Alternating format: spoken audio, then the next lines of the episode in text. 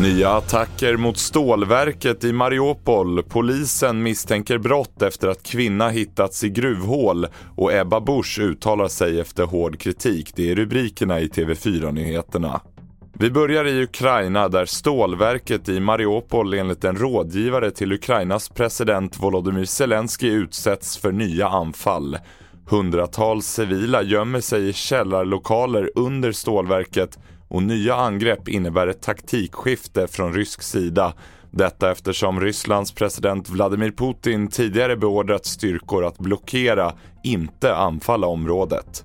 Samtidigt fortsätter striderna i de östra delarna av landet där de ukrainska styrkorna hittills håller tillbaka den ryska offensiven.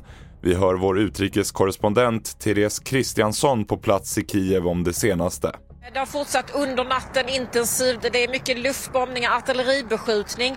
Men däremot så verkar det inte ske så mycket rent eh, vad gäller marktrupperna utan där står det ganska så stilla.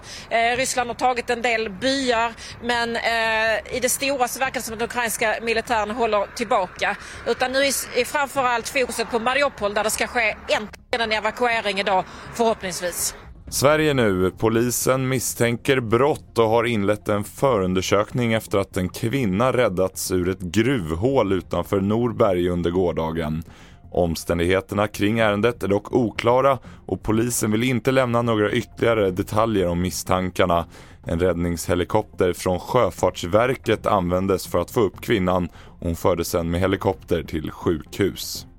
Kristdemokraternas partiledare Ebba Busch svarar nu på den hårda kritiken efter hennes uttalande kring påskkravallerna i en intervju i Sveriges Radio igår där hon ifrågasatte varför poliserna inte sköt skarpt och varför det inte var fler skadade islamister.